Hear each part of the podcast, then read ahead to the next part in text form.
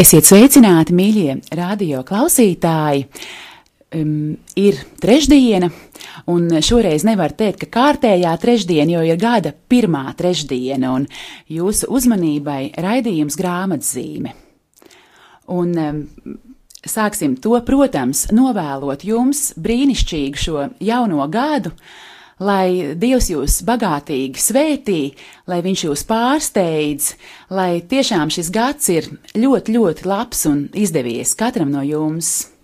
Un studijā atkal esam mēs, Laura Feldberga un Aija Balode. Un uh, mēs nolēmām, ka mēs gribam turpināt svētku noskaņu, vēl tik ātri neatvadīties no, no šī te svētku laika, un īpaši šodien vēlamies turpināt te zē svētku noskaņu.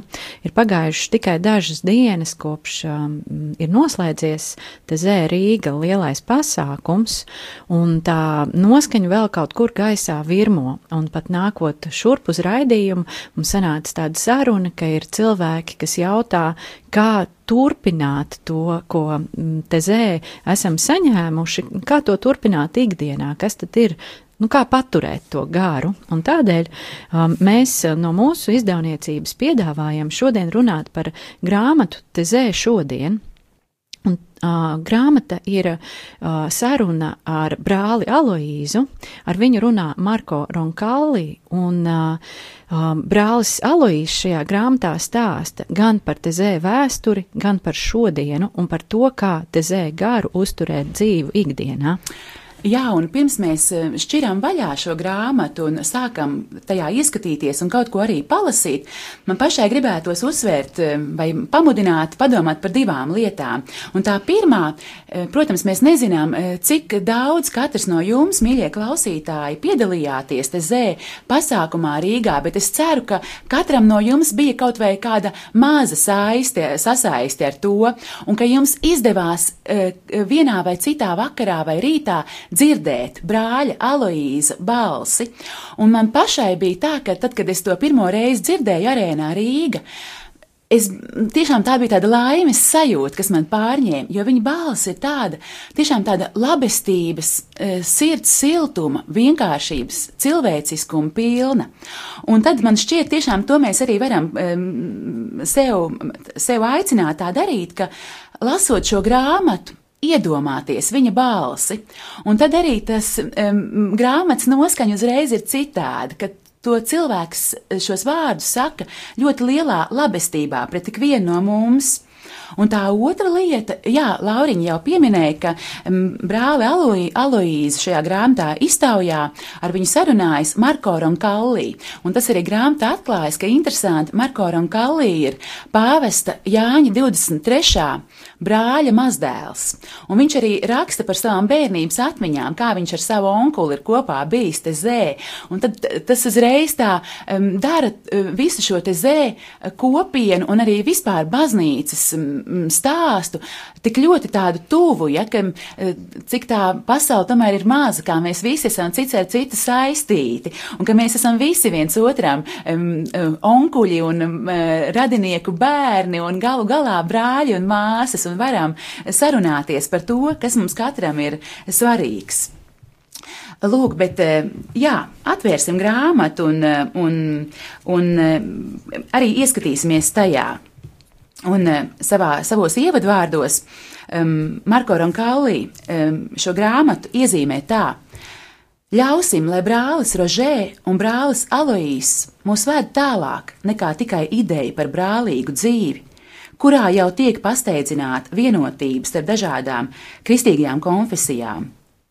Viņu skatījums ir tik plašs, ka uzveic arī citas šķelšanās formas, kas radījušas neskaitāmus ieļaunojumus proti komunisma režīma laika divās daļās sašķelto Eiropu, vai dalījums starp bagātajām ziemeļpuslodes valstīm un nabadzīgajām valstīm dienvidpuslodē.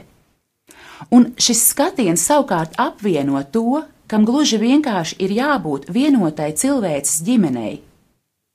Ir svarīgi atcerēties, ka sākotnēji Tezē bija vieta, kur otrā pasaules kara laikā tika uzņemti vajātie ebreji, bet pēc tam vācu cietumnieki, kas pēc konflikta beigām bija palikuši Francijā. Un tikpat nozīmīgi ir, uz, ir uzsvērt to, kas raksturo šo lūkšanas vietu - vārdi un žesti, dziesmas un klusuma brīži, vienotība un solidaritāte liek domāt par uzticības pilnajām attiecībām starp dievu un cilvēkiem. Un dažs rinkops tālāk, um, autors citē Jānu Pāvilu II, kurš viesojoties te zē ir teicis tādus vārdus: Cilvēki plūst uz te zē, kā mēdz doties pie avota. Ceļotājs apstājas, padzeras un tad turpina savu ceļu. Kopienas brāļi nevēlas jūs aizturēt. Viņi vēlas, lai lūkšanas un klusuma laikā jūs padzertos dzīvo ūdeni, ko Kristus ir apsolījis, lai jūs iepazītu viņa prieku un spētu sajust viņa klātbūtni, un tad atbildētu viņa aicinājumam, un pēc tam dotos liecināt par viņa mīlestību, un kalpot saviem brāļiem, draudzēs, skolās, universitātēs vai darba vietās. Un tiešām brāļi ir devušies atpakaļ uz savu Burgundijas ciematu, un jaunieši ir devušies uz savām mājām, un mēs esam devušies atpakaļ savās ikdienas gaitās, bet uh, tiešām cerams, ka šie Jāņa Pāvila otrā vārda attiec arī uz, vien, uz ikvienu no mums, ka mēs esam padzērušies to ūdeni, ko, no, ko brāļi mums piedāvā, un ka mums ir jauns spēks par Kristu liecināt.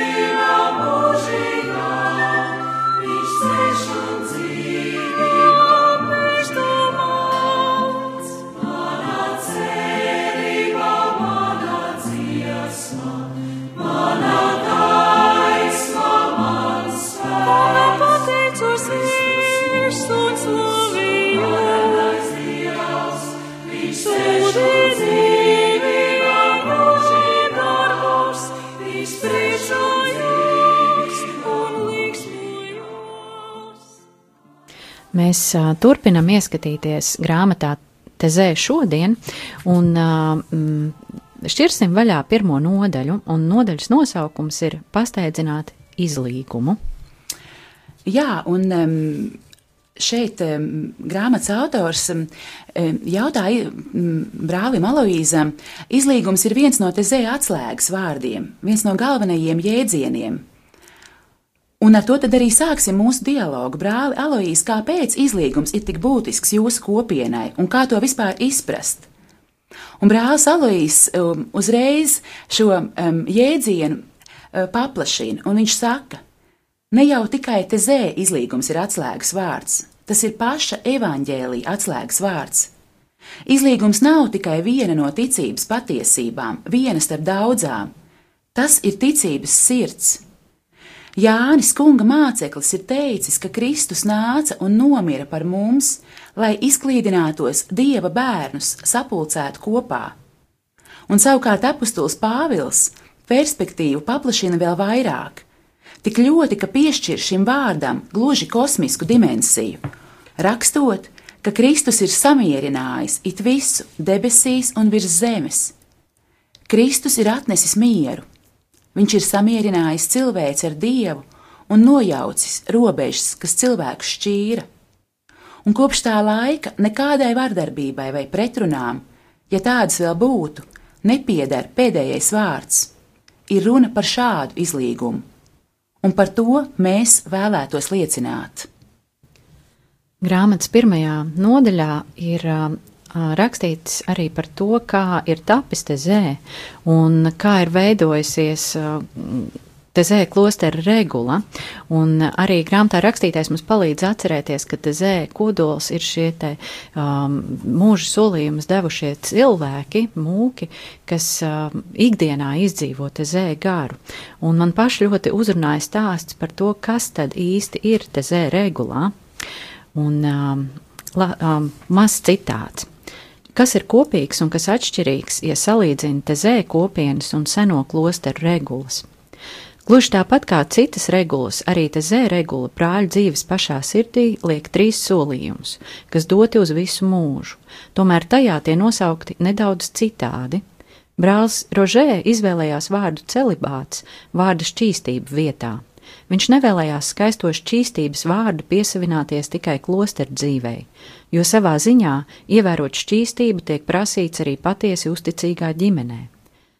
Tāpat brālis deva priekšroku runāt par kopīgu materiālo un garīgo labumu īpašumu, nevis par nabadzību, jo pašai par sevi nabadzībai nav vērtības. Cilvēki, kas visā pasaulē dzīvo nabadzībā, to pieredz, un tā drīzāk ir nelaime. Būtiski ir sirds un prāta vienkāršība. Un visbeidzot, brālis Rožē aizvien vairie, vairījās aicināt brāļus uz paklausību. Kopienas sākuma posmā viņš runāja par autoritātes pieņemšanu, bet vēlāk izņēma no tekstiem vār, arī vārdu autoritāte, lai priors tiktu uztverts vienīgi kā kopienas kalps. Tezē regula ir līdzīga citām arī tajā, ka tā izvirza priekšplānā kopienas lūgšanu un brāļu mīlestību, bet tās saudabīgums ir tajā, ka brāļi tiek aicināti pirmām kārtām ieiet evaņģēlijas svētību garā, kas tiek rezumēts trīs vārdos - prieks, vienkāršība, žēlsirdība. Visuzrunojāšākais tezē regulā iespējams ir tas, ka šis teksts norāda tikai pašu minimumu kopienas prasībām. Nav nekāda reglamenta, nav laika plānojuma vai praktisku norādījumu. Būtisko, kas regulā piedāvāts, katra paudze var piemērot pēc savām vajadzībām. Jā, un um, abi sarunas partneri turpina par um, regulu runāt, un man ļoti aizkustināja divi teikumi, ko pēc tam brālis Aloīs tā min um, no šīs regulas, un, un tie skan šādi. Ja vien sirds uzticēšanās būtu it visa iesākumā, tā brālīts Režēja rakstīs šajā regulā, un otra frāze - vai praktizējot dalīšanos, Tu esi viens no tiem, kas tieši ar mazumiņu spēj virs šīs zemes likt celties skaistajai cilvēciskajai cerībai. Vai ar gandrīz neko, kas tev ir, tu esi izlīguma radītājs šajā kopienas noslēpumā, kas ir baznīca. Mani šīs frāzes patiešām līdz sirds dziļumiem aizkustināja, ka tiešām, ja tāda ir šī kopiena, ja tāda ir tā regula, Proti, e, ka tur nav nekādu striktu uh, laika um, limitu, tur un tikos ir jābūt, jālūdzas ir tā, um, disciplīna ir šāda, noteikumi ir tādi. Nē, tie ir tādi uzmanības un cieņas pilni jautājumi, vai tu esi gatavs dalīties tajā mazum, mazumiņā, kas tev ir, un varbūt pat tajā, kā tev trūkst.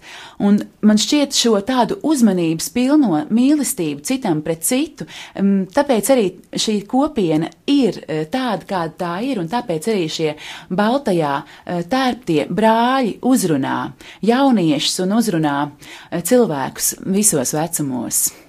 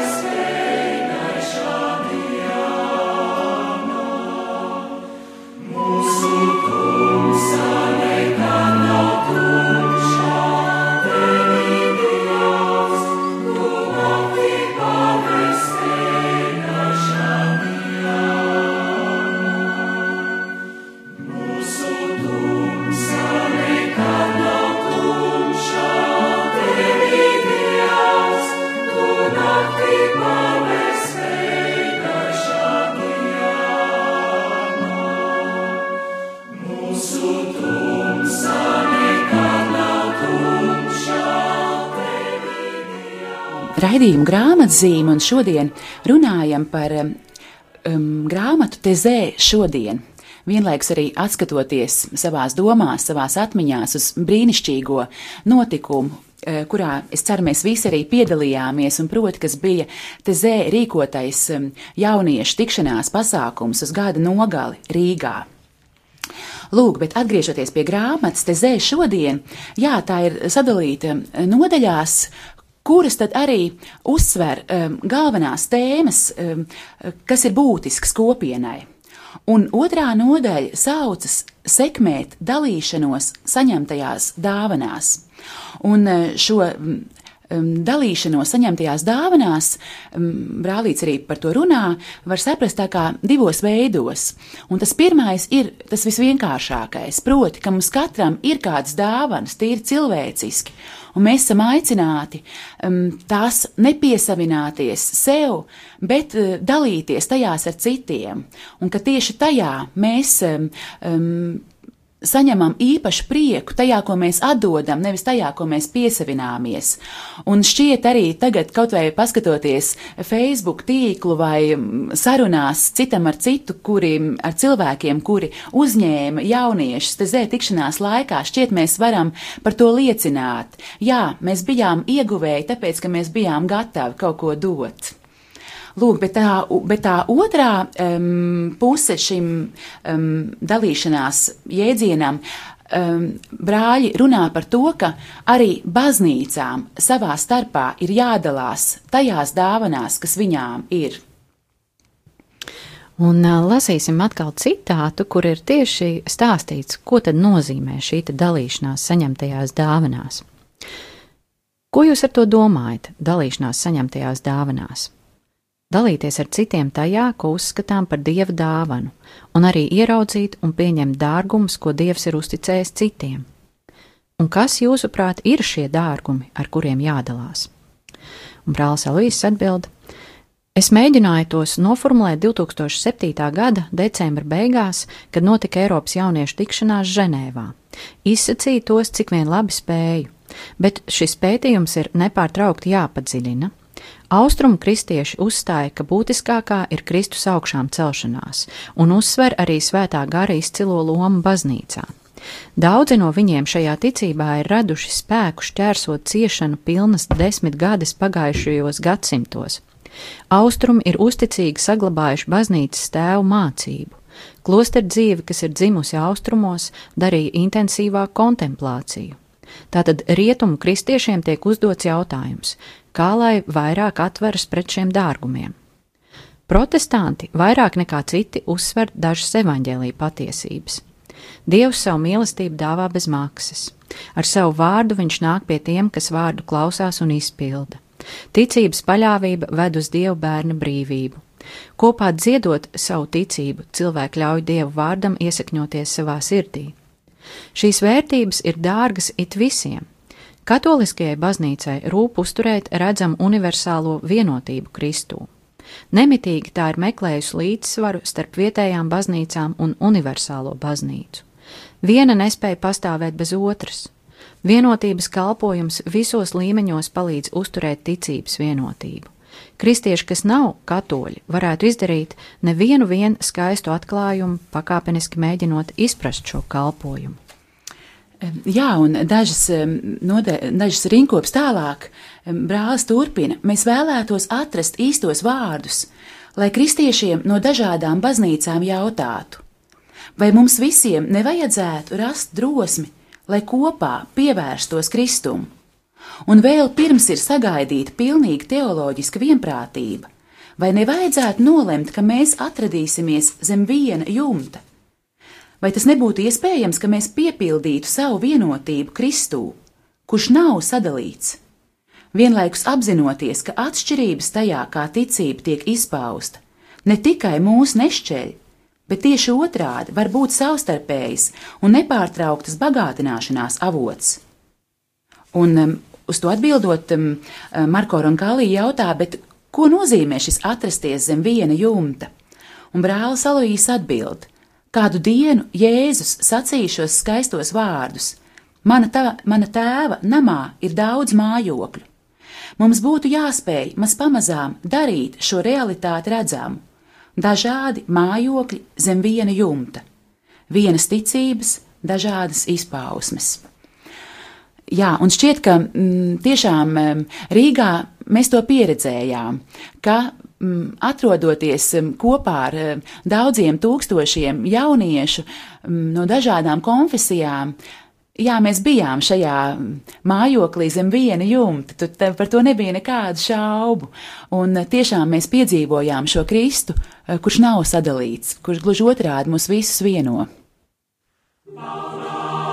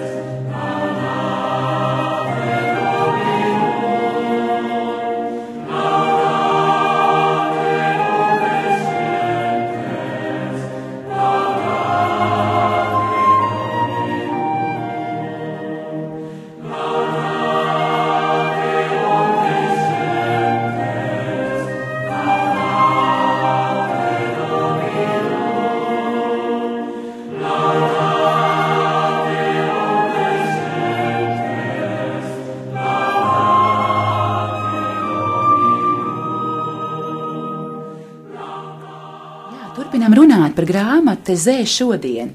Un um, jau pieminējām, ka pirmā nodaļa bija izlīgums, uh, otrā nodaļa - dalīšanās tajās dāvanās, kas mums katram kā cilvēkam ir un kas mums ir kā kādas baznīcas pārstāvjiem. Un trešā nodaļa runā par to, ka dalīties ticībā ar jauniešiem.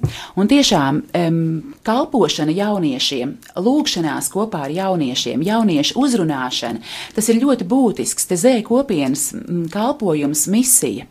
Un man aizkustināja šajā grāmatā, ka brālim Aloīzam um, jautā, nu, varbūt jūs, kāda tad ir tā recepte, nu, ko tieši jūs darāt, ka jaunieši pie jums brauc, un, un brālis visā vienkāršībā un pazemībā saka, nē, mums nav receptes, vienkārši mēs, brāļi, sākām dzīvot, lūgties kopā, Un jaunieši pie mums sāka braukt, un mēs atvērām savu kopienu, mēs viņus uzņemam, mēs vienkārši esam tādi, kādi mēs esam, un aicinām uz kopīgu lūgšanu. Lūk, arī visa vienkāršā un, un recepte, un izrādās tā darbojas. Un uh, Marko Ronkālī jautā brāli, Maloīzam, kādu dieva attēlu šie jaunieši te zē gūst, kā jūs viņiem stāstāt par dievu? Un brālis Alīs atbild, Mēs vēlētos, lai nedēļa, ko viņi pavada uz mūsu pakalna, ļautu jauniešiem iemantot apziņu par Dievu, kurš mūs pirmām kārtām mīl. Nevienmēr šis ceļš viņiem ir viegls, jo mūsu modernajā pasaulē daudz ir to, kuriem ir grūti ticēt Dievam, kas būtu personiski ar viņiem kopā. Bieži es viņiem saku, ka ticība ir risks, risks paļauties. Jā, un um, arī tālāk um, brālis Alois turpina, uzsverot to, ka brālis Rožē, proti pirmais um, kopienas priors vadītājs, brālis Rožē uzdrošinājās ļoti skaļi runāt par žēlsirdības dievu, par mīlestības dievu, un viņš uzsvēra, ka ir nepieciešams atteikties no tāda dieva attēla, kurš tiesā, un par nožēlu šis attēls joprojām ir ļoti dzīvs un brālis Rožētā runāja arī tādēļ, ka varēja atsaukties uz autoriem, kuri bijuši pirms viņa. Un Viņš saka, es atceros, cik brālis Rožē bija laimīgs, kad pareizticīgo teologs Olivier Klemāns viņam atklāja, ka Īzāks Sīrietis, Ninīvas bīskaps un 7. Gads, gadsimta mistiķis ir rakstījis: Dievs var vienīgi dāvāt savu mīlestību. Un izmantojot gadījumu, protams, pieminēšu arī to, ka ir iznākusi arī šī grāmata. Dievs var vienīgi mīlēt, kur savukārt brālis Rožē runā par savām attiecībām par Dievu, par um, kopienas attiecībām par Dievu, un tiešām ar šo vēsti, ka Dievs var vienīgi mīlēt, ļoti uzmundrina mūsu lasītājus. Kunam,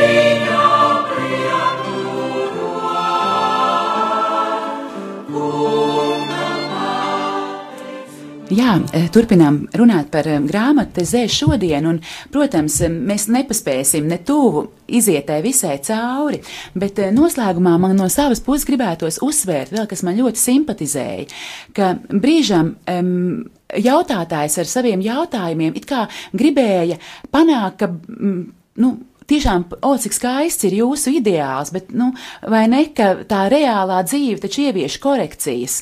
Un brālis atbild, nē, mm, dieva žēlsirdībai nav vajadzīgas korekcijas, tā apklāja pilnīgi visu. Un ļoti spilgts piemērs vēl tam, ko Aija teica, ir tas, ka brālis Aloīs runā arī par to, ka nu, brāļi neaprob neaprobežojas tikai ar kristīgo ticību, viņi vispār skatās globāli uz visu ticīgo sirdīm un tā kā arī mēģina piedzīvot tādu vispārēju cilvēces vienotību. Viņi ceļo pa pasauli un viņi satiek arī citu reliģiju pārstāvis. Un maz citāts no grāmatas. Vai tomēr nav kāda nepārkāpjama robeža starp kristīgo ticību un Āzijas kultūrām? Brālis atbild: Nē, noteikti nav, jo Kristus ir nācis visu cilvēku dēļ. Mēs no tā vēl neesam izdarījuši visus nepieciešamos secinājumus. Pirmajos baznīcas gadsimtos kristīgie domātāji spēja izdarīt milzīgu adaptācijas darbu, lai no ebreju kultūras pārietu uz grieķu un latīņu mentalitāti. Viņi šķērsoja kādu robežu. Šodien kristiešu priekšā ir līdzīga atbildība. Ir jāatrod jaunas ticības valodas, kas būtu piemērotas lielajām Āzijas kultūrām, tāpat kā starp citu Āfrikas kultūrām. Arī izaicinājums, kā atbildēt jaunajai 21. gadsimta tehnikas un zinātnes kultūrai, ir liels, bet nebaidīsimies, ka tādajādi mūsu ticība zaudēs sev raksturīgo. Gluži otrādi, tā var uzplaukt un bagātināties, saskaroties ar tautu dažādību.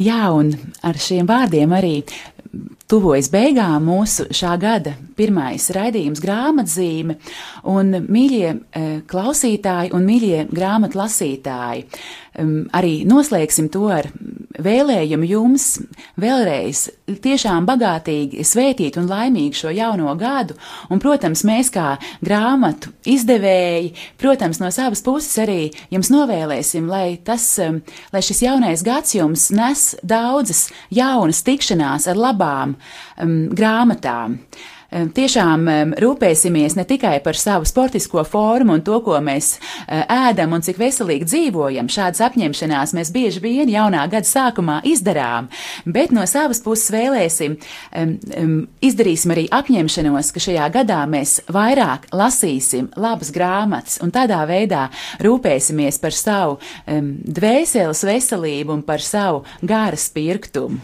Un tāpat un tiksimies arī raidījumā grāmatzīme trešdienu rītos. Paldies un laimīgu jauno gadu! Visu labu!